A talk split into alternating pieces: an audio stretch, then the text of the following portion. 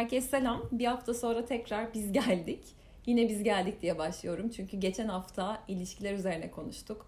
Ama anladık ki çok derya deniz bir konu. Hala devam var. Belki beş konuşma bile çıkartırız biz bundan. Yine o zaman hoş geldin değil mi Rıfat sana? Evet evet. Yağmurlu bir İstanbul gününden. Hoş bulduk Özlem. Nasılsın? Süper. Gayet güzel. Geçen hafta da böyle arkadaşların güzel feedbackleriyle gayet keyifli bir hafta geçirdim ben. Umarım seninki de öyle geçmiştir. Evet benim için de çok keyifli bir haftaydı. Gerçekten çok da güzel geri dönüşler oldu. Ee, hatta bir anket yaptık geçen hafta. Kadınlar aşk mı para mı ister? Erkekler aşk mı parayı mı seçer? Hangisini seçer diye. Şöyle bir oran çıktı birazcık ondan bahsedeyim ben. Ee, kadınların %81'i aşk istiyor. %19'u da para istiyor. Sırf beni utandırmak için yaptınız değil mi? Sırf utansın. Tabii ki de değil. Erkeklerde de oran birazcık değişmiş. %34'e aşk istiyor. %66'sı para istiyor. Ya bu benim söylediklerimin tam tersi. Tam tersi. Evet. Ya sen çok istisnasın ya da bu orandan çok dışındasın ya da şöyle olabilir. Şimdi ben birazcık bu sonuçları baktım. Arkadaşlarıma baktım en azından neye oyladıklarını kontrol ettiğimde şunu gördüm. Evli olanlar, evli olan kadınlar genelde parayı seçmişler. Ee, bekar olanlar ya da böyle bir aşk arayanlar da aşkı seçmişler. O zaman aslında herkes aradığı şeyi mi seçmiş diyorsun? Ee, aynen ihtiyacı olan şeyi seçmiş galiba. Belki de şu olabilir. Evli olanlar artık aşka doymuştur. Veya aşk zamanı geçmiştir. Ha. Aşkın yalan olduğunu anlamışlardır. Ya aşk yalan değildir muhtemelen değil de. değil ama ihtiyaçları hani aşka doyduk biz artık biraz paramız olsun parayla doyalım demiş olabilirler. Ve o şekilde bir e, ayrım olabilir ama %80 çok büyük bir oran. Yüksek. Ee, şey de enteresan bir sonuçta aslında. Erkeklere sorduğumuz soruya birçok kadın cevap vermiş. Ee, acaba orada da şey mi yapıyorlar? Hani erkeklerin böyle olmasını istedikleri için mi onu seçiyorlar? Yani erkeklerin biraz işte burada önemli olan aşkı mı seçmişler parayı mı seçmişler bence o önemli. Yani genelde 166 para demiş hani totalde. Ya normalde erkeklerden beklenecek şey zaten yani e, Aşk ben aşk ben aşk bekliyordum ama genellikle erkeklerin para diyeceğini ben biliyordum. Ben erkekler erkeklerin anketinde e, aşk dedim ama aşkın az çıkacağına emindim. Çünkü e, sonuç olarak erkeklerin aslında bir kafasında bir görüş var. Diyor ki param varsa zaten aşkı bulurum çok Aa, rahatlıkla. evet doğru diyorsun. Çünkü paranın bir şekilde aşkı getireceğini veya olasılıkları arttırdığını düşünüyorlar. Haklılar da. Bence doğrudur. Yani böyle düşünmekte haklılar. O yüzden de hani aşkı ben nasılsa bulurum her türlü. Parayı bulayım geri kalan değil. Ee, deyip erkekler parayı seçmiş olabilir. Çok Ee, çok doğal bir bence. E, çok doğru bir yerden girdin çünkü birkaç tane arkadaşım özelden bunu yazdı. Param varsa zaten hani şey olurum aşkı bulurum ben. Hani önce para olsun Ya dedi. işte para olunca aşkı bulabilme olasılığın bana sorarsan daha çok düşüyor. Çünkü e, daha kadınların bu sefer artık neye geldiğini bilmiyorsun. Hmm, evet doğru. Şimdi kadınlar çünkü paraya da gelen insanlar vardır muhakkak veya paradan kaynaklı güce gelen insanlar vardır. Ama sana sen olarak gelen insanlar sayısı bu doğrultuda bayağı bir azalıyor. O yüzden de orada bir hani hmm, orada çok emin değilim ben. Yani erkeklerin bu söylediğin doğru olduğuna çok çok emin değilim. Çünkü mesela şeyi hatırlıyorum lisede çok sevdiğim bir arkadaşım vardı Çağlar. Ee, ve işte Çağlar'a hep derdim ki oğlum ben sana her zaman daha şanslı olacağım. Niye? Çünkü kızlar beni ben olduğum için sevecek. Burada Çağlar çok yakışıklı bir çocuktu. O yüzden de böyle herkes hastaydı hakikaten lisedeyken. Ama hep öyle derdim. Ha, bu arada öyle olmadı. Şu an, şu an süper bir evliliği var vesaire. Yani gayet mutlu, gayet Ne güzel. güzel. keyifli evet. Ama hani hep öyle düşündüm. Yani ben çok yakışıklı yani birisi hiçbir zaman olmadım. Yakışıklı bir adam olmadım. O yüzden de e, aynı şey para için de bence geçerli. Paran olduğu zaman da hani kişi sana niçin geliyor onu bilmiyorsun. Çok yakışıklı olduğunda tipin için geliyor. Paran olduğunda paran için geliyor. Ama bunların hiçbiri yoksa sen olduğun Sen için olduğun geliyor. Buna eminsin. En kıymetlisi de o değil mi zaten?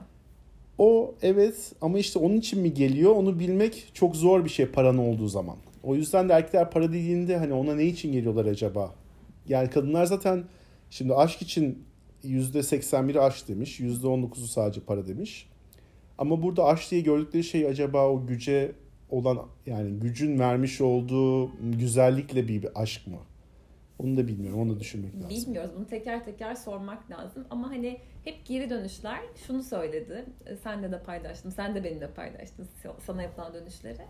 Ee, insanlar hep kendini buldu aslında bir şekilde bu konuşmada. Biz kendi ben kadın tarafından kendi anlattım bizi. Sen erkek tarafından anlattın. Ve aslında hepimizin içinde o kadar böyle kırılacak taraflar var ki bir şekilde birilerine dokundu bu konuşma. Çok da mutlu oldum. Yani biz bu anketin sonucunu hiçbir şekilde netleştiremeyiz, bilemeyiz. Çünkü herkese Doğru. teker teker konuşmuyoruz. Ama biliyorum ki bu birilerine dokundu. Birilerinin farklı belki bir şeyleri fark etmesini sağladı. Bence bu bizim için okey. Aslında burada e, kadınların erkeklerin anketine cevap vermesi de bana ilginç geliyor. Bu biraz şey olabilir mi böyle hani erkekler işte karışmak istiyorsunuz gibi bir şey düşünüyor Hayır biz tabii ki de olmaz öyle bir ne şey. alakası var? Biz yapmayız öyle şey. Hayır ama bence şey gibi hani erkek e, erkeklerin öyle olmasını umarak cevap vermiş olabilirler. Yoksa bir kadın niye erkek olmak istesin ki? Erkek olmak istediği için değil ama hani bazı şeyleri siz e, kadınların ben öyle olduğunu düşünüyorum. Erkekler de yapıyor ama daha az sayıda olduğunu düşünüyorum. Kadınlar genellikle bazı şeyleri biraz da kafada kuruyor ya. Yani o başka bir çok... konuya şimdi girdim belki biraz ama yani e, yani burada da acaba kafada kuruyor musunuz? Yani e, biz bir şey söylediğimiz zaman aslında A dediğimizde A diyoruz. Hı hı. Ama siz bazen A dediğimizde alfabenin diğer harflerini için içine katıyorsunuz ya. ya burada ben hep şey diyorum yani sor. En güzel şey bence sormak karşındakine açık açık sor. Ben sana ne düşündüğümü söyleyeceğim. Çünkü benim de hayatıma giren insanlarda kafada kuran çok oldu. Ve bunun aslında çok rahatsız ol, edici bir şey olduğunu söyledim ben. Ya bu benim duygum. Bunu senin bilme şansın yok. Ne olur sor bana ve ben sana bunu açık açık anlatayım. Ama biz bunu yani biz bunu demeyeyim özür dilerim. Kadınlar bunu pek yapmıyor sanki ne dersin? Yapmıyor. Kesin yapmıyor. Yani biz o kadar detaylarda boğuluyoruz ki bazen işte ana yoldan çıkıyoruz o detaylarda boğulduğumuz için sormuyoruz da boşlukları dolduruyoruz. Hani neden böyle yapıyoruzun gerçekten bilmiyorum nedenini. Ya çok içgüdüsel ya daha kıvrımlı olduğumuz için. Ama çok detaycıyız. Ama bu sizi mutsuz etmiyor mu? Ediyor. Ee? Ama bence şu da olabilir. Sormuyoruz çünkü belki yüzleşmekten korkuyoruz bir şeylerle. Olamaz mı? Ya bence sorsanız çok çok daha basit cevaplar alacaksınız. Evet. Kafada hiç kurmanız gerekmeyen bambaşka Aynen yerlere. Yani gitmeniz gerek yok aslında oralara ama gidiyorsunuz. O yüzden de sormak lazım ama burada da belki de e, korkutmamak lazım erkekleri. Yani vereceği cevap e, karşı tarafı yani cevap vermeyi ve vermekte imtina ettirmemeniz lazım. O yüzden biraz esnek bırakmak lazım. Çok basit bir örnek anlatacağım. Dün akşam e, işte spor işte hocamla çalışıyorum. E, geldi. Ben dedim ki ben bir günah işledim. Ne yaptın dedi. Ben tatlı yedim dedim. Neyse dedim ki tamam dedi. Bak bunlar da kalan. Lütfen dedim götür bunları yemeyeyim daha fazla. Bana şunu sordu. Daha var mı dedi. daha vardı daha kötüsü söyleyeyim sen güldün ama evet daha vardı. Vardı ve ben ondan korktuğum için o dahasını vermedim. Aslında ben vermek istiyordum ona. Ama şunu düşündüm. Ya ben ona bir tane daha var dersem bana beni azarlayacak haklı olarak. Çünkü diyecek ki ya biz bu kadar emek harcıyoruz sen nasıl bunu yaparsın? Halbuki beni daha esnek bıraksa yalan söylemeyi itti beni aslında düşündüğü zaman. Ha. E, bence buradan olay çok bambaşka yerlere gidebilir. Neden korkuyoruz? Şimdi sen neden korkuyorsun? Bir otorite aslında senin için spor hocam değil mi? Yani biz insanları da bence partnerlerimizi de öyle otoritelerle eşleştiriyoruz. İşte benim babam çok sıkı bir adamsa, yine babadan örnek veriyorum ama hani ilk rol modeli olduğu için, çok etkili olduğu için hayatımızda benim babam beni çok kısıtladıysa, şey yaptıysa, hayır onu yapamazsın falan dediyse benim zaten hata yapma olasılığım çok yüksek. Çünkü o duymasın, o bilmesin diye arka taraftan iş çeviririm. Ama benim babam ne kadar rahatsa, ne kadar açıksa ben o kadar şeffaf olurum onlara karşı. Ki çok şükür ki benimki öyleydi. Dolayısıyla ben baktığımda mesela kendi adıma, arkadaşlarımla kendimi kıyasladığımda gerçekten ben çok dürüst bir çocuktum. Yani benim gibi bir çocuğum olsun isterdim. Hakikaten çok dürüstüm. Çünkü şeydi çok şeffaftım. Bana e, yalan söylememi gerektirecek hiçbir şey yapmadılar. Şimdi sen orada spor hocam da yalan söylemek zorunda Düşünsene ya daha çünkü. kötü bir şey olabilir mi? Yani korkuyorsun evet. çünkü. Şimdi ben mesela babamdan korkmuyorum. Saygı duyuyorum ama korkmuyorum. Bu bunun gibi bir şey. Ama bunu işte yaratmak çok kötü bir şey. Evet. Bunu bir de ilişkide yarattığını düşünsene. İnanılmaz yani işte. bizimki çok basit, çok haklısın. Bence de saçma bir şey. Yani insan sporcusuna yalan söyler mi? Ben söyledim. Yani şöyle oldu. İşte sordu var mı dedi. Şöyle düşündüm. Var dedim ve verdim kalanını. Hı hı. Ama yani sonuç olarak onu söylemek çok kötü bir şeydi. Benim aslında ona çok rahatlıkla güvenip evet var ve bu bu bu. Tamam ben bu hata yaptım. Bu hata yaptığımda kabulleniyorum diyebilmem lazım ama diyemedim. Şimdi ilişkide de aynı şey geçerli. Yani kadının bir şey kızacağını düşünüyorsun ve yalana koşuyorsun. Ya hiç gerek yok aslında. Çok rahatla senin bunu özgürce söyleyebilmen lazım. Ama söyleyemiyorsun. Belki bunu yapan erkekler de vardır. Yani bu biraz e, kıskançlıkla da mı yani bağlı onu da düşünmek lazım ama yani düşünsene örnek veriyorum belki seni bir arkadaşın arıyor. Erkek arkadaşın erkek ar- arayan arkadaşın ve erkek arkadaşın kimdi o dediği zaman belki ismini söyleyemiyorsun. Ya muhakkak bunu yaşayan insanlar vardır. Oldu. Ben şahsen Var. yaşadım bu arada. Yani ben kız arkadaşım olduğu zaman başka bir kız arkadaşım aradığında e, onu o anda mesela mesaj yazabilecekken yazmadığım oldu. Şimdi dedim ki yani niye açıklama yapayım ki? Hiçbir şey olmasına rağmen bu arada. Yani hiçbir kötü kesinlikle sıfır tamamen hiçbir art olmasına rağmen sırf ya o sorgu yağmuru, o stres, o sıkıntıya girmemek için o anda o mesajı görmezden geldiğim çok oldu benim. Ya bence bu işte bizim yine küçüklüğümüzle çok ilintili bir şey. Etrafımızdaki otorite figürleriyle alakalı bir şey. ya da yaşadıklarımız olabilir mi? yaşadıklarımız olabilir Geçmiş tecrübeler. Yani geçmiş tecrübelerin hepsi zaten bugünümüzü oluşturuyor bizim baktığında. Senin kötü bir tecrüben varsa böyle çok kıskanç bir sevgilin varsa vakti zamanında tedirgin ettiyse seni veya sürekli sorguladıysa sen ne oluyorsun? Gardını alıyorsun. Bir sonraki ilişkide ya aman hani ağzımızın tadı bozulmasın Ali Rıza Bey gibi oluyor. Ve şey yapmıyorsun, yorum yapmıyorsun ya da göstermiyorsun o tarafını. Göstermek istemiyorsun. Çünkü hani uğraşmak istemiyorsun. Ya aslında işte sorsanız her Evet. şeyin cevabını alacaksınız. Biz zaten bu arada bence erkeklerin kadınları kandırma olasılığı çok düşük. Çünkü hep söylüyorum baştan beri prematüre canlılar olduğumuz için beyin o kadar çalışmıyor. Zaten hani bir yalan da söylesek biz çok kompleks bir şey söylemeyiz. Zaten ilk sorumuz ne oldu? Kim söyledi? Kim gördü? o klasik soru. Yani o yüzden de zaten bu yalanı çok müsait birisi değiliz. Kafada çok kompleks bir şey kuramayız. Bence en iyi bunu kuranlar kadınlar. Kesinlikle. Beyin çok çok daha fazla çalıştığı için yalanı da çok iyi kuruyor. O yüzden de siz yalan söylediğiniz zaman bence bir erkeğin yakalama şansı bunu yok. Çok Ama bir erkek yalan söylediği zaman iki tane çapraz sorgu yap aha bitti. Dökülürüz biz. Bizde çok kolay yani bu. Yok çok çok çok katılıyorum yani yürekten katılıyorum dediğine. Ama e, neden sormuyoruz gerçekten bilmiyorum ya. Sorun ya. Evet. Kafada kurmayın. şeffaf. Çünkü kafada kurmak ne sizi mutlu ediyor Etmiyor. ne bizi mutlu ediyor. Hiçbir şey de elinize geçmiyor. Çünkü benim duygumu benden iyi sen bilemezsin ki. Aynen öyle. Karşındaki insana sorman lazım. Ya sen ne düşünüyorsun? Bunu yaptın ama ne için yaptın? Bence şeyden korkuyoruz biz de yani o ilişkide karşı tarafın bence vereceği tepkiden de korkuyoruz. Mesela ben işte seninle ilgili bir şey düşünüyorum. Bunu sana sormaktan korkuyor olabilirim. Ama bu benimle alakalı bir şey. Tabii ki de bu seninle alakalı değil. Ben sana sorduğumda sen bunu bana şeffaflıkla anlatabilirsin. Okey. Ama ben bunu sormaya neden cesaret edemiyorum? Bu soruyu kendime soruyorum şimdi. Neden cesaret edemiyorum acaba? Neden korkuyorum? Ya, ya da işte neyle yüzleşmekten kaçıyorum? İşte günün sonunda mutsuzluğu getiriyor bu. Evet. O yüzden lütfen kadınlar sorun ya partnerlerinize, erkek arkadaşlarınıza, sevgililerinize, eşlerinize sorun ve cevabını alın ve o cevabın üzerine düşüneceksiniz bir şey düşünün. Çünkü yoksa olmayan şeyleri siz düşünüyorsunuz Evet. gerçekten. Yaratıyoruz ya. Olmayan şeyi yaratıyoruz Evet aslında. ve böyle bazen ben mesela işte kız arkadaşım o zaman dinliyorum böyle bir şey söylüyor. Yani benim aklımın ucundan mı geçmez? Geçmiyor. Gerçekten geçmez. O kadar mı uzak? Fersah fersah uzak. Ya diyorum ki sen bu sonuca nasıl ulaşabildin? Nasıl ulaşabildin ya? Mümkün değil yani buradan buraya gelmem benim mümkün değil. Yok öyle bir şans. Ama, sen sonra gelmişsin. o- Evet. Ya nasıl beceriyorsunuz gerçekten bilmiyorum. Bu Ya. konuda muazzam bir başarı bu arada ama tekrar söylüyorum. Burada muhakkak ki geçmişinizdeki sıkıntılar. Evet. Yani örnek veriyorum bir kadın bir erkeğin onu aldattığını düşünüyorsa sürekli muhakkak geçmişinde bir aldatılma ya olmuştur ya da bir rol modeli aldatmıştır. Kesin. E, ve bu gerçekten ilişkiyi baltalayan bir şey.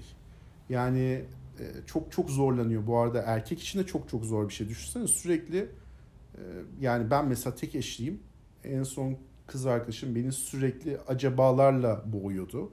Ve dedim yani hayır ya ben tek eşliyim yani kesinlikle bu ben eminim beni bile böyle acaba mı diye düşünüyorsun. Acaba ben mi yapıyorum? Evet bunu? ya gerçekten ya bu insanı bu kadar kurduramazsın çünkü kafada. Evet. Ama nedir? İşte daha önce yaşadığı tecrübeler, daha önce ailesine gördüğü şeyler ona bir e, onun bir yarası ve o, o yarayı sürekli dışarıya bir zehir belki dışarıya kusuyor bu zehri. Yok, Ve böyle. bu bitirdi bizim ilişkimizi ve çok kötü bir şeydi bu. Ee, ya bence işte aslında şey olsak yani ben diliyle duygularımızı anlatabilsek zaten sorun yok. Ama biz o ben dilini kullanmadan hep böyle suçlayarak karşı tarafa gidiyoruz. Karşı tarafa da bir şey sorulduğunda ne alakası var canım diyebiliyor. Dolayısıyla ne oluyor? Ben bir kere soruyorum. Böyle bir tepki alıyorsam ikinciye susuyorum büyük olasılıkla. Duygularımızı anlatmıyoruz. Yani ben böyle hissettim. Sen böyle yaptın değil de ya ben böyle hissettim. Gerçekten böyle mi?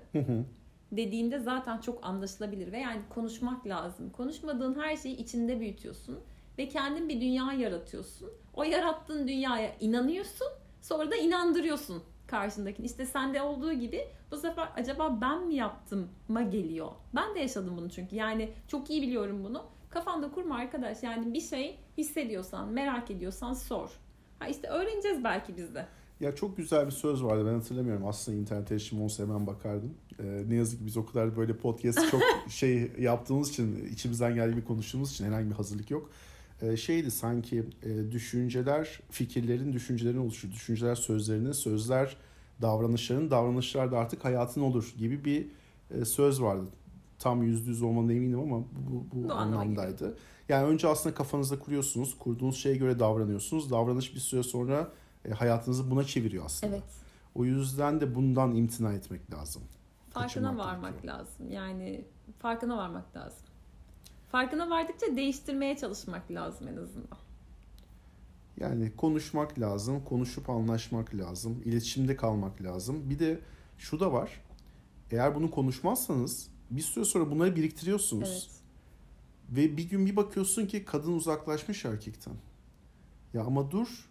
Yani niye mesela eskiden belki ben de kendimi geliştirmeden önce bunu yapardım. Ee, konuşmazdım. Yani işte birisi bir şey yaptı susardım, içime atardım. Birisi bir şey yaptı. Hayır şu anda bana göre en doğrusu ilişki hiç zedelenmeden bu arkadaşlık ilişkisinde de aynı şey bir, bir fiil. Yani hiç sevgili olarak düşünme bunu. Arkadaş, arkadaşlık ilişkisinde de e, birisine bozuldun mu?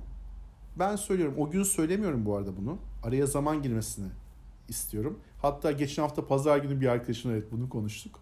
Ee, yani ona da bir sebeple kırılmıştım. Ve bu kırgınlığımı e, ilk başta dile getirmedim. Yani bir olay yaşandı. Ben ona kırıldım. Kırıldığım için konuşmak istemedim ve konuşmadım. Ee, sonra bana dedi ki ya Rıfat dedi konuşabilir miyiz dedi.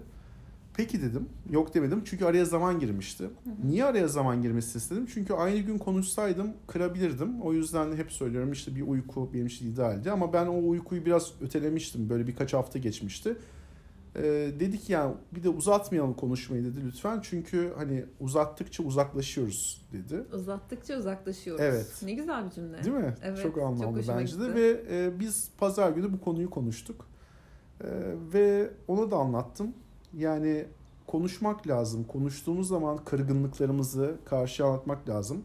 Bunları kesinlikle biriktirmemek lazım. Çünkü düşünsene bir oluyor arkadaşımıza hiçbir şey söylemiyoruz veya partnerimize hiçbir şey söylemiyoruz. İki oluyor partnerimize hiçbir şey söylemiyoruz. Üç oluyor biz kopmaya başlıyoruz. E, kopmaya başladıktan sonra tekrar bunu toparlamak çok zor. O yüzden de ben hem ikili ilişkilerde yani hem ikili ilişkilerde zaten ikili ilişki ama hem e, partnerimizle olan ilişkimizde hem arkadaşlarımızla olan ilişki- ilişkilerde diyorum ki söyleyin anında. Mesela ben kendi iş yerimde de aynı şeyi uyguluyorum bu arada. İş arkadaşlarıma diyorum ki arkadaş bir sorunun varsa hemen söyle. Hiç biriktirme. Hiçbir şey kafanızda olmasın. Hiç yani hiçbir şey mi olmasın, hiçbir şey olmasın. Sıkıntı olduğu an, kafanızda bir şey düşündüğünüz an sorun bana. Veya sorun iş arkadaşınıza neyse. Sorun ki cevabını alın. O cevapla devam etmek istersin, etmek istemezsin senin tercihindir. Ama sonuçta sorarsan hiçbir şey birikmiyor. Düşünsene sürekli o havuzun suyu akıyor. Havuzu hiç o işte bardağım taştı artık Demiyorsun. patladım çatladım olmuyor. Çünkü bardak taştığında çok kırıcı bir insan oluyoruz çoğu zaman. E, zaten şey gibi olmuyor mu? Düdüklü tencere gibi. Yani onun o havasını aldırmazsan ara ara bir anda öyle bir anda patlıyor ki ve çok alakasız bir yerden patlıyor. Ve diyorsun ki mesela aa ben bir şey dememiştim ki. Doğru. Oysa ki o aslında patlama noktası bir birikim. Birikmiş Kesinlikle. birikmiş bir anda patlamış. O yüzden biriktirmeyelim. Elimizden geldiğince bence. Niye? Biriktirmeyelim hiç ya. Biriktirmeyelim harcayalım. Yani tamam biriktirmeyelim de hani bir anda da değiştiremiyoruz ki ezberler bir anda bozulmuyor. Doğru ama deneyebiliriz bunu. Deneyebiliriz. Yani deneyerek zaten görüyoruz. Deneriz. Bize iyi geliyorsa, ilişkimize iyi geliyorsa neden bunu yapmayalım ki? Bence mantıklı. Daha iyi olacaksa denenebilir mutlaka. Kesinlikle. Peki sana bir soru. Hadi bakalım. X'ten next olur mu? Ya ben yıllarca bunun olmayacağını düşündüm.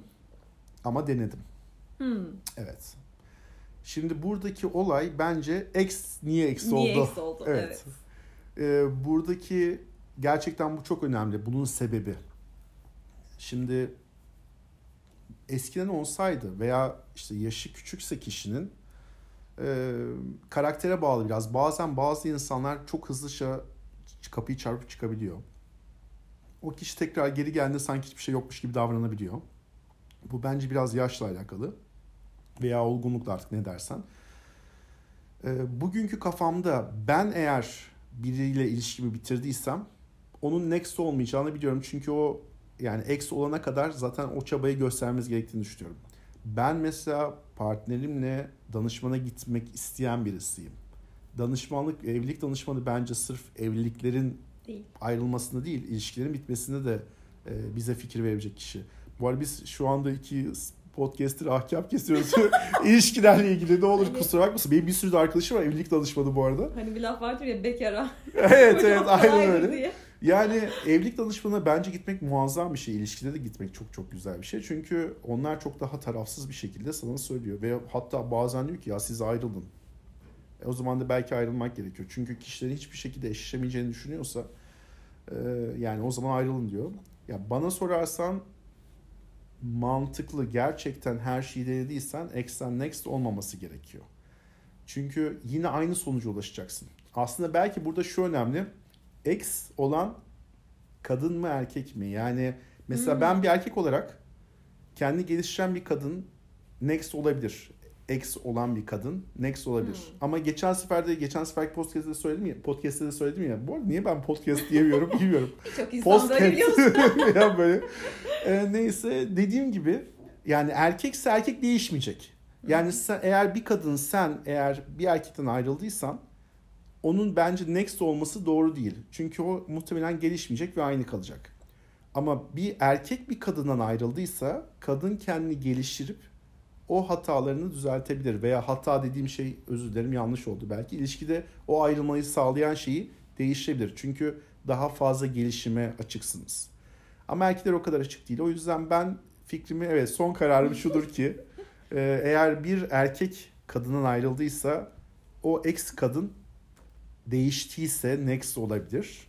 Tabii ki aynı şey erkek için de geçerli ama erkeklerin değişim olası çok çok daha düşük olduğu için bence yani kadınlar ayrıldığı erkekleri tekrar geri dönmeyi çok düşünmesinler derim. Sen ne düşünüyorsun bu konuda? Ee, bence olmaz. Yani o hikaye orada kapandıysa kapanmıştır. Yani kapanana kadar dediğin gibi bir sürü uğraşmışsındır bitmesin diye. Çünkü bir ilişkiyi başlatmak kolay, bitirmek daha zor baktığında. Eğer sen bunu gerçekten bitirebiliyorsan bitirmişsindir ve bitirdiğin şeye tekrar dönmek ne kadar mantıklı soru işareti. Geçenlerde bir erkek arkadaşım bana dedi X'ten next olur mu gibi bir soru sordu. Dedim ki olmaz emin misin dedi. Evet dedim bence olmaz. Çünkü zaten ben bitirmişim. Bir kadın bitiriyorsa kafasında bir şeyi bitirmiştir. Ee, bence çok geri dönüşü olmaz onun. Ama şimdi buradaki eksen next olması erkek soruyor ya. İki cins arasında bence çok büyük bir Olabilir. fark var. Olabilir doğru.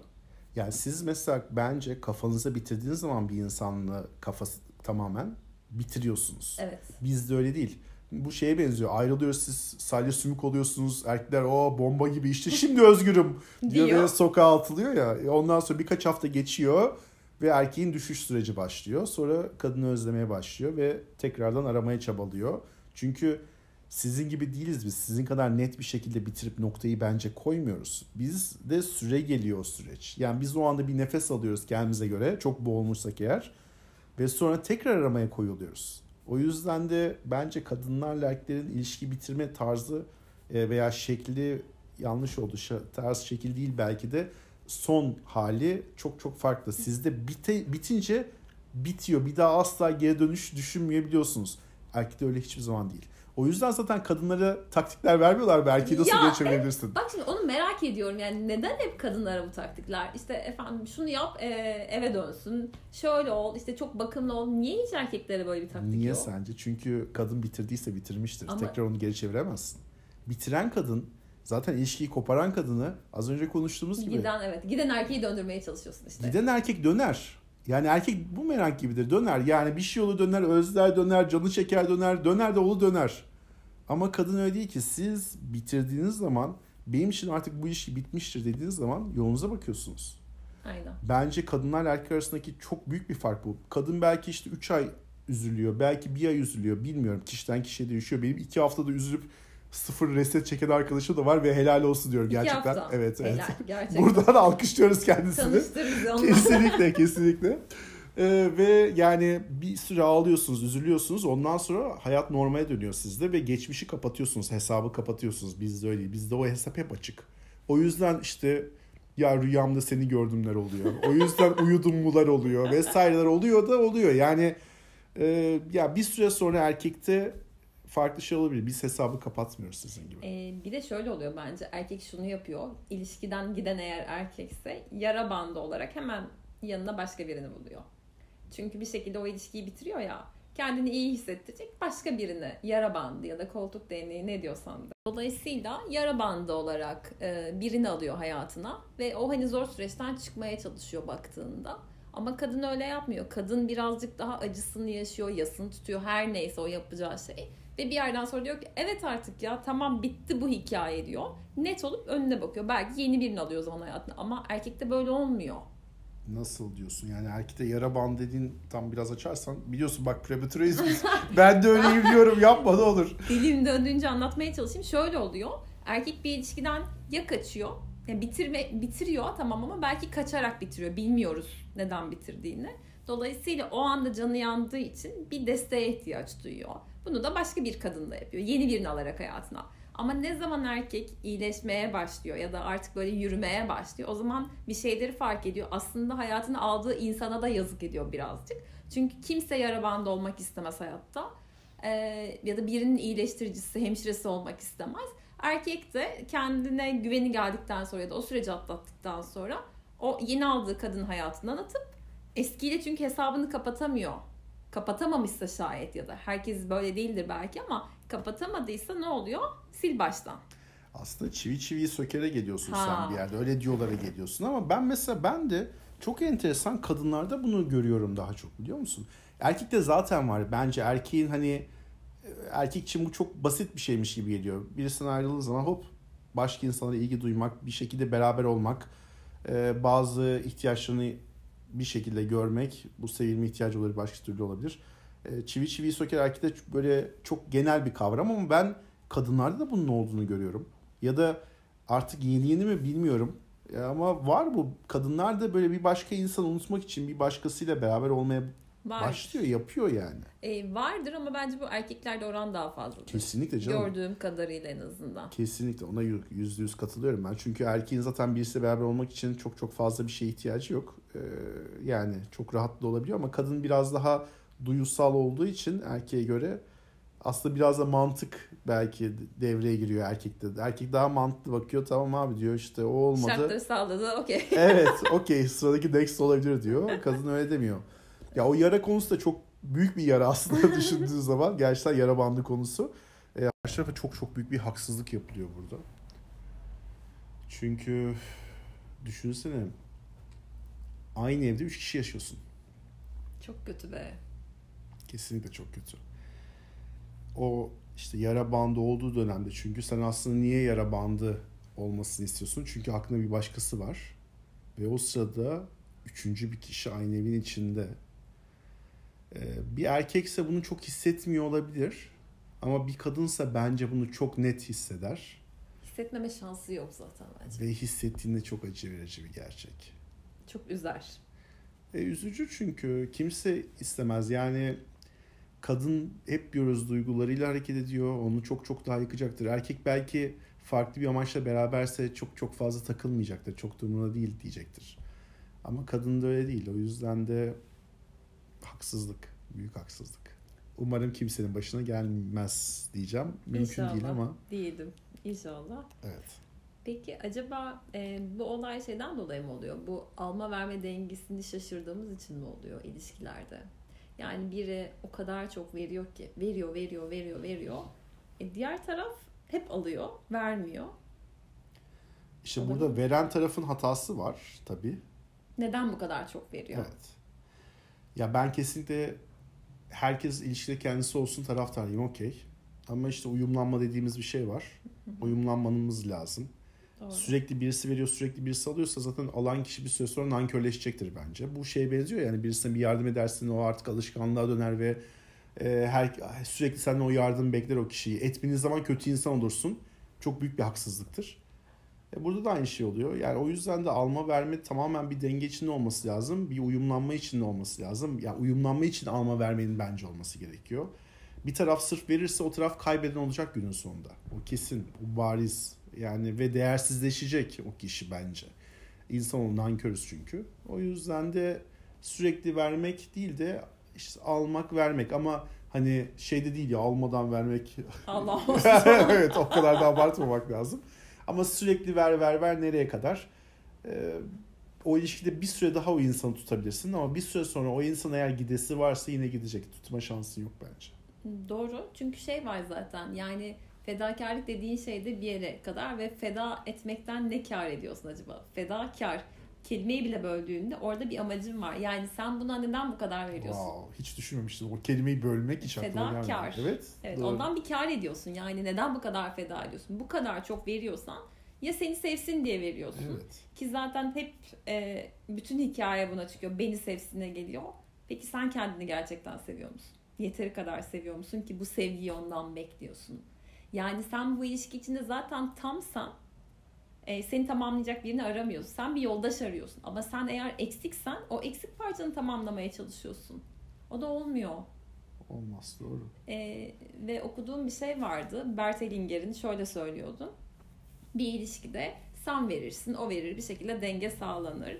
Sen hep veriyorsan, karşı taraf hep alıyorsa, sen mesela paran vardır, paranı veriyorsundur. Sevgin varsa sevgini veriyorsundur. Neyin varsa veriyorsundur, paylaşıyorsundur. Şimdi karşındaki senin şartlarına sahip olmayabilir. Parası olmayabilir. Sevgiyi bilmiyor olabilir. Sevgi dilini bilmiyor olabilir. Dolayısıyla bir şekilde denge yine bozulur ve denge eğer kim veriyorsa mutlaka ki terk edilir. Hadi ya. Evet aldatılır. Yani eğer bu bir ikili ilişkiyse, bir partner ilişkisi ise eğer sen ne kadar çok veriyorsan ve karşı taraftan yeteri kadar almıyorsan terk edilirsin. Çünkü kimse borçlanmak istemez diyordu. Yani sen çünkü karşı tarafı vererek, sürekli Hmm. vererek borçlandırıyorsun Evet. aslında. Wow. Çok enteresanmış gerçekten.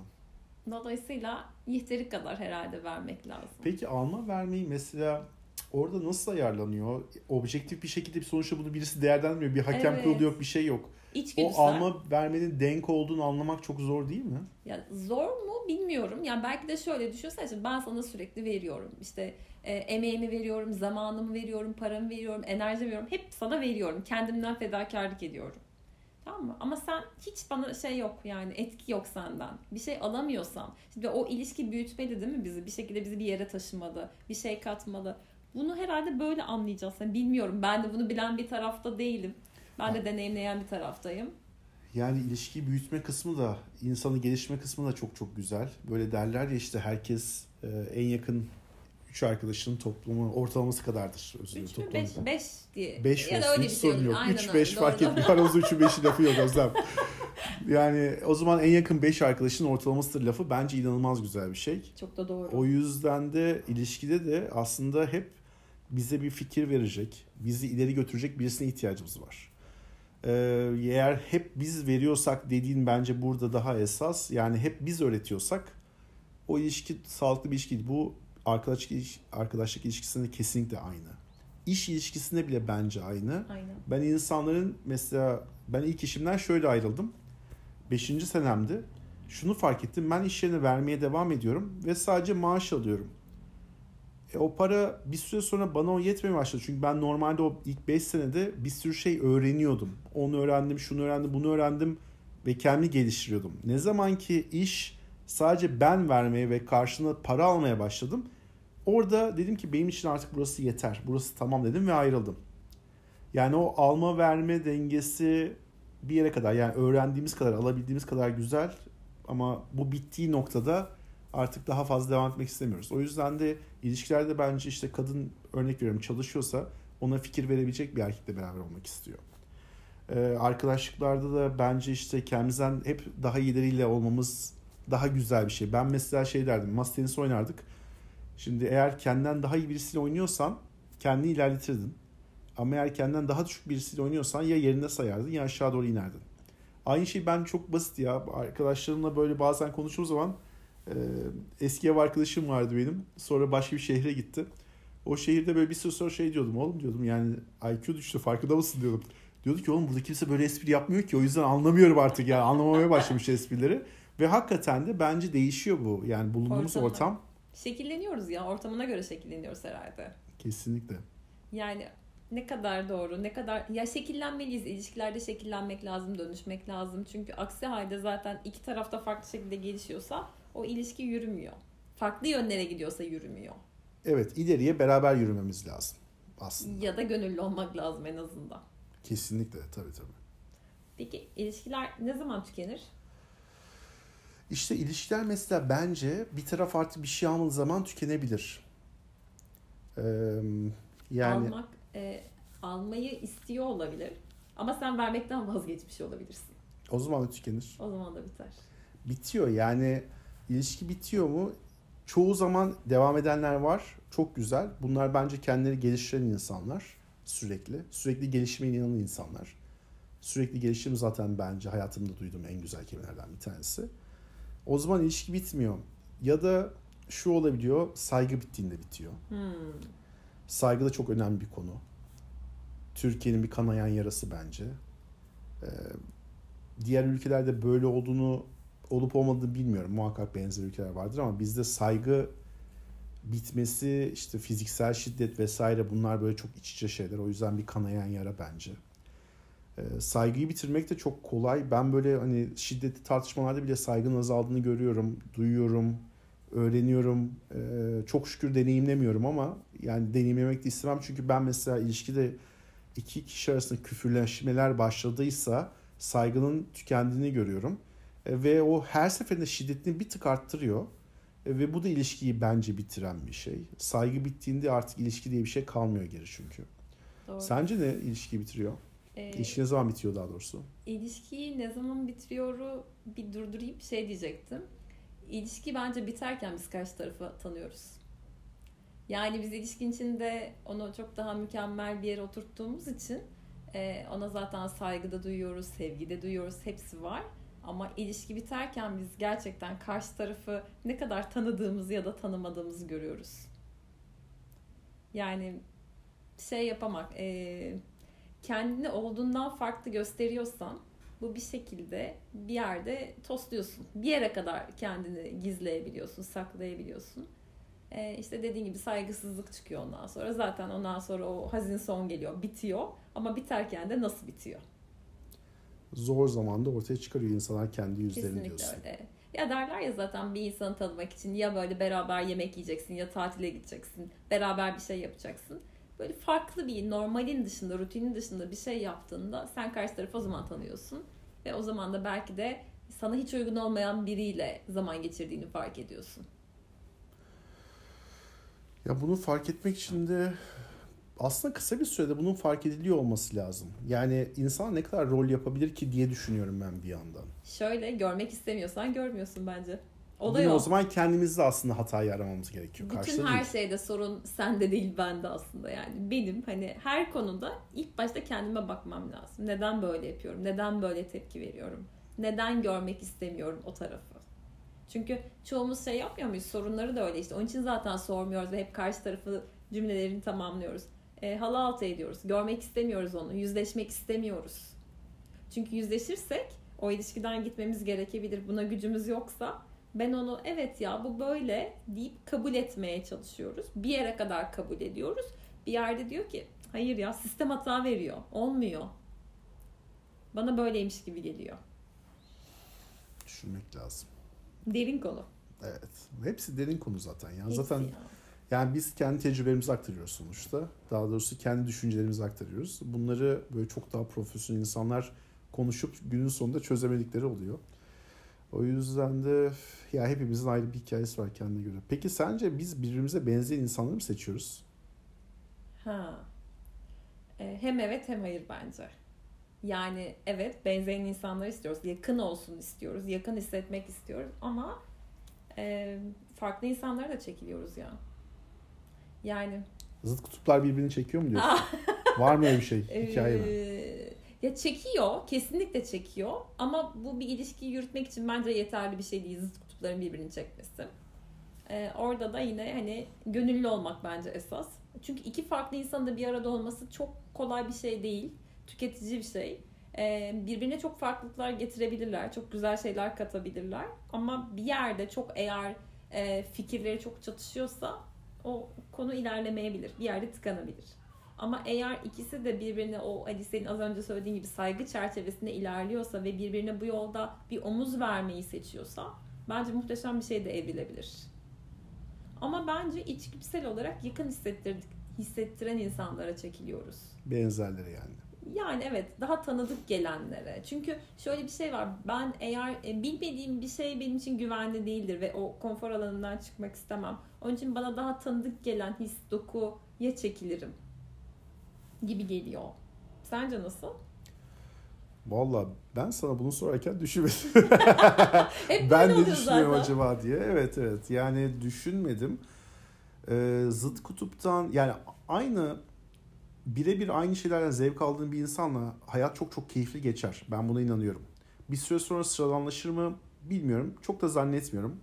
Ya örnek veriyorum ben motosiklet kullanmayı seviyorum. Motordan zevk alan birisiyle yaşamak çok keyifli. Motordan korkan birisiyle düşünsene o zevkimi tatmin edemiyorum. Edemez. Doğru. Ee, afaki söylüyorum işte yürümeyi çok seviyorsundur.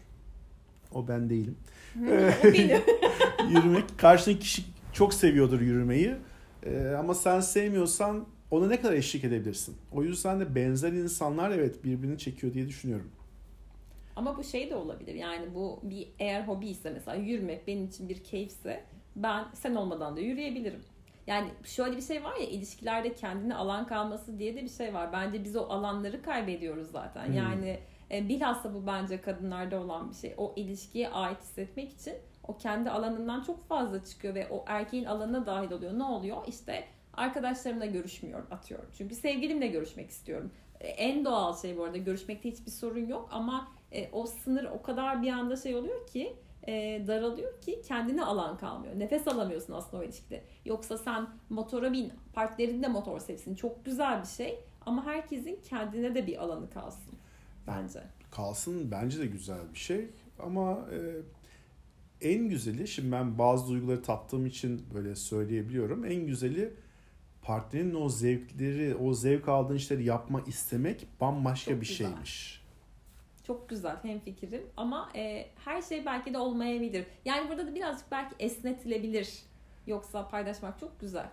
Ya bence ilişki sırasında insanlar dediğin gibi kendine bir alan yaratabilir. Bir günlü olabilir mesela. Bizim ailemizin cuma günü yemeği vardır. Örnek veriyorum. Fikstir. Gibi ha. İnsanlar da diyebilir ki ya, herkes salı günü serbest, perşembe günü Okey. serbest. Kim kimle buluşmak istiyorsa onunla buluşsun diyebilir.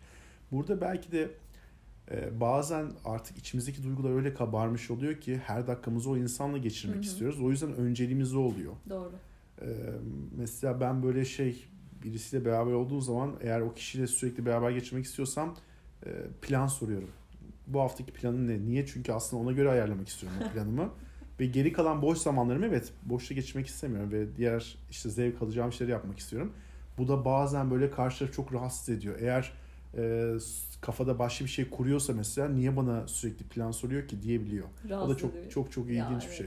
Ama bence de insanların kendi alanları olması lazım. İşte erkeklerin PlayStation oynamak için haklarının olması E, lazım. olsun tabii ki de. Ee, Kesinlikle zevk aldığı şeyleri kendi arkadaşları içmek için vesaire için, kadınların dedikodu yapmak için veya başka bir şey için zamanlarının olması lazım değil mi? Bir kahve içeceksiniz, Ya. bir tarot bakacaksınız, fal Tabii baktıracaksınız. ki de. Fal olmadan olur mu hiç Allah Ya aşkına? gözünü seveyim olur mu Özlem? Fal olacak artık, astroloji olacak, Hepsi olacak. tarot olacak, başka neler var? Bayağı bir şey Çok var aslında. şey var ya. Kadınların şeyine girersen ritüellerine çıkamayız. Doğru doğru. O yüzden de iki tarafın evet ben de katılıyorum. Birbirine zaman ayırması yani kendine özel zaman ayırması gerekiyor. Onun için ne böyle çok zıt insanlar ne çok aynı insanlar. Dengede insanlar diyelim biz Doğru buna. denge kesinlikle. Peki ilişkide haklı olmak mı, mutlu olmak mı? Ya orada Aslında hayatta tek ilişki olarak da bunu sormak doğru değil belki. evet yani genel olarak hayatta e, ben mutlu olmayı seçtiğimi biliyorum. Çünkü eğer bu şey mesela iki kişi arasında bir şey konuşuluyorsa, karşı taraf haklı olduğunu duymak istiyorsa ve bunu bana hiçbir şey kaybettirmiyorsa ben evet haklısın diyebiliyorum. Bu benim için çok kolay bir şey. Çünkü aslında ben biraz da sorundan kaçtığım için muhtemelen bunu demeye daha yatkınım. Ve bu bana beni çok rahatlatıyor. Düşünsene karşındaki insan bir konuda bir problem çıkarmak istiyor. Belki problem var, belki yok. Fark etmez ama belki sen kendi kafasında var o problem. Aynen ve ama sen haklısın dediğin zaman bir açıklama yapamıyor. Bu şeye benziyor. İşte trafikte karşı tarafta kavga etmek için arabadan inersin ama karşı taraf ya kusura bakma abi özür dilerim der. Paşa paşa, paşa arabanın içine girersin. Çünkü karşı taraf itiraz etmiyordur ki kavgayı istemiyordur. İşte ben ilişkide mesela o yüzden de haklı olmak çok da yani çok ekstrem durumda değilse olay e, mutlu olmayı tercih ediyorum ve eyvallah diyorum. Bu arada eyvallah da efsane bir kelime ben- benim için. Ee, yani artık her şeyi çekebilecek bir şey böyle vazgeçişte diyebilirsin, kabullenişte diyebilirsin. Hmm, Eyvallah. Yani doğru. tamam, Tamam, sen ne diyorsan, ya. sen ne diyorsan odur. Kavga etmek istemiyorum ben sana, tartışmak istemiyorum'a geliyor. O yüzden de bence öyle. Sence nasıl?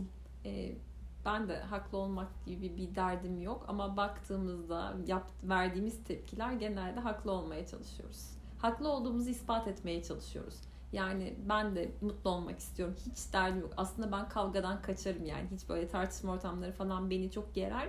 Mümkünse hani ben böyle şeydir öyle çok zıt çıkışları olan biri değilimdir. Ama e, haklı olmak da istiyor olabiliriz bazen diye düşünüyorum. Ya işte Öz eleştiri. ya o tartışmaların hepsini bir gün aradan sonra yaparsak aslında çok Evet. çok daha sağlıklı bir şekilde karar alınabilir. O saygı çok daha fazla bence korunabilir. Yani az önce de bahsettik saygıdan, saygının nasıl azaldığından. O yüzden benim tavsiyem, benim bugüne kadarki tecrübelerim bana şunu söylüyor. Hiçbir kimseyle çok sinirliyken konuşma. Hiçbir şekilde. Araya uykuyu sok, Evet. uyan ve ondan sonra konuş. O şeye de inanmıyorum ben. Hani bir, bir nefes al, yüze kadar say vesaire. değil. Hayır ya o an konuşma. Ben bu konuyu seninle şu anda tartışmak istemiyorum de. Çok net bir şey. Ortamdan çık ve bir sonraki gün geri gel. Ve o konuyu konuş. Bu arada o konuyu kesinlikle konuşmadan da kapatmayın. Çünkü e, kapattığın zaman o konu bir daha önüne gelecek. Gelecek. Çözemediğin her şey bir daha önüne geliyor zaten. Hayat böyle bir şey değil mi? Aynen öyle. Ya zaten şöyle oluyor. Mesela o ilişkinde çözemiyorsan onu, kapatmayı seçiyorsan, yüzleşmiyorsan o konuyla ne oluyor? Bir sonraki ders Bir sonraki ilişkide geliyor. geliyor. çok fena geliyor. Yani daha katmerlisi geliyor çünkü onun. Çünkü hayat bence her ilişki, e, iki ilişki de, arkadaşlık ilişkisi de öyle. Hepsi yeni bir şans ve hepsi kendimizi fark edebilmemiz için bir şey. Biz onun için ilişki yaşıyoruz belki de. Kendimizi buluyoruz aslında ya da kendimizi fark ediyoruz. Dolayısıyla ben burada kapattığım bir şey varsa yüzleşmeden kapatıyorsam ne oluyor? Bir sonrakinde paşa paşa yüzleşiyorsun ondan. Hem de daha sert geliyor. Yani diyorum ya çünkü ben onu görmek istemediğim için o dersi almıyorum. Ee, anlayana kadar o ders devam edecek. Al kurtul diyorsun yani. Yani gönüllü olarak alsan çok daha kolay geçecek ama hani gönüllü olamıyoruz ki. Acı çekmek istemiyoruz çünkü hiçbirimiz. Yüzleşmek istemiyoruz. Yani o hani kendi zayıflıklarımızı, zaaflarımızı ne görmek istiyoruz ne de göstermek istiyoruz bence. Ama gelişime açık olduğun zaman aslında bunu çözmeye çalışmıyor musun? Mesela ben, benim için en keyifli şey ben hep olumsuz eleştiri sorarım. İlk Hmm. sorduğum şey odur. Ya olumlu eleştiri zaten sen biliyorsun. Kendin neyi neyi neyin kötü, olduğunu biliyorsun. O yüzden olumsuz eleştirici bence hayatımızda alabildiğimiz en en iyi şey. Benim için en azından kesinlikle öyle ve e, yani her zaman şunu söylüyorum önce. Örnek veriyorum ben birkaç arkadaşıma geçen günkü podcast'i de yolladım. Şunu dedim. Bir dinlesene ya dedim. Hoşuna gitmeyen ne var? Çünkü onu merak ettim. Çünkü olumlu şeyi duysam ne olacaktı? Biraz daha Egomuz şişecekti. Evet. Benimki şişikti ya dermişim. yani gerek yok bence ona. Çünkü diğeri herkesin yaptığı bir şey de değil biliyor musun? Yani biz aslında e, çoğu insan ya da sevdiği insanları kırmamak için o eleştirileri yapmıyor. Olumsuz eleştiri çok kıymetli bir şey ama bunu yapmıyorlar. Aslında yakın arkadaşlarımızın bence bunu yapması lazım. Bu olumsuz eleştirileri bize vermesi lazım ki biz kendimizi geliştirebilelim. Bu kıymetli şeyi alalım. Ya bu çok derin bir konu biliyor musun? Bu eleştiri çok derin bir konu. O zaman o da başka bir podcast konusu mu nedir? ne konusu? ne konu? podcast. podcast, podcast, podcast. Lütfen ya. Buraları hep değiştirebiliyor muyuz? Ya. Soruyorum. Keseceğim bunları hiç merak etme. Lütfen, lütfen Ama ya. şey, Gerçekten. Bir insan bu kadar basiretsiz olur. Ama bunu çok insan aynı şey söylüyor. Podcast'in Türkçesi yok mu bir kere? Biz niye podcast diyoruz? sohbet diyelim ya. tamam bu ya. da so- sohbet değil. Bu çocuk ya. bu kadar yorulmasın. Bence de öyle. Zorlamayın adamı. Ay, bu eleştiri konusunda hakikaten çok şey konuşabiliriz ama bence hani bugünlük bence kapatalım bu podcast'i ya da sohbeti. Peki, okey Ee, süper. Kaldığımız yerden devam edelim. Hatta arkadaşların yine yorumlarını alırız belki belli sorularla. Onlar da bizi yönlendirebilirler. Süper olur. Çok mi? O zaman Önümüzdeki hafta. görüşelim tekrardan. Peki. Bay bay. Hoşçakalın.